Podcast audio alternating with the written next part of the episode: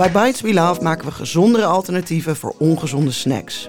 Dit doen we door bij de ontwikkeling van onze bites goed te letten op het beperken van vet, zout en suiker en het genoeg toevoegen van pulvruchten, vezels en eiwitten.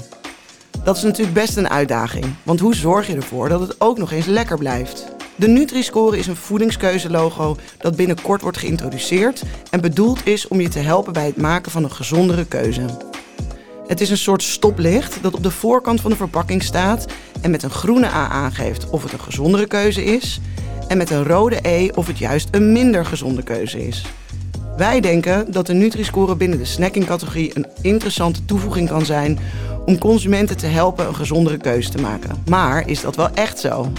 In deze podcastserie gaan we op onderzoek uit en gaan we in gesprek met diverse experts uit de voedingsindustrie. Want moeten we bij Bites We nou wel of niet aan de slag met de Nutri-score?